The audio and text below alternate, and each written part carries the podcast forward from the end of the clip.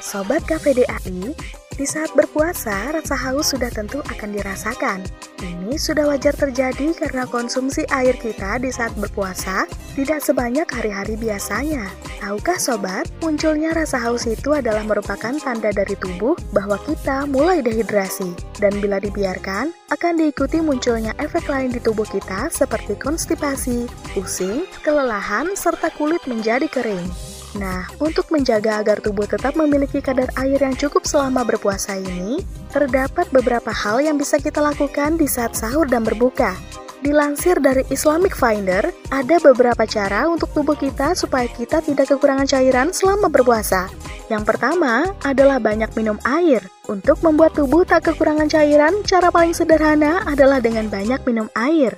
Hal ini penting dilakukan ketika aktif beraktivitas di luar ruangan yang panas. Minum dengan jumlah cukup pada saat sahur dan berbuka agar tidak lemas dan kehausan saat berpuasa.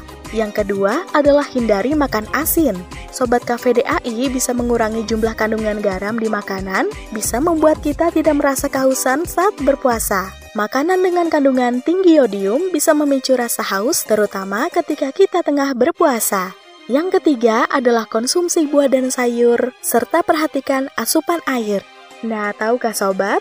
Sayur dan buah memiliki banyak kandungan air dan serat sehingga sangat cocok dikonsumsi ketika berpuasa.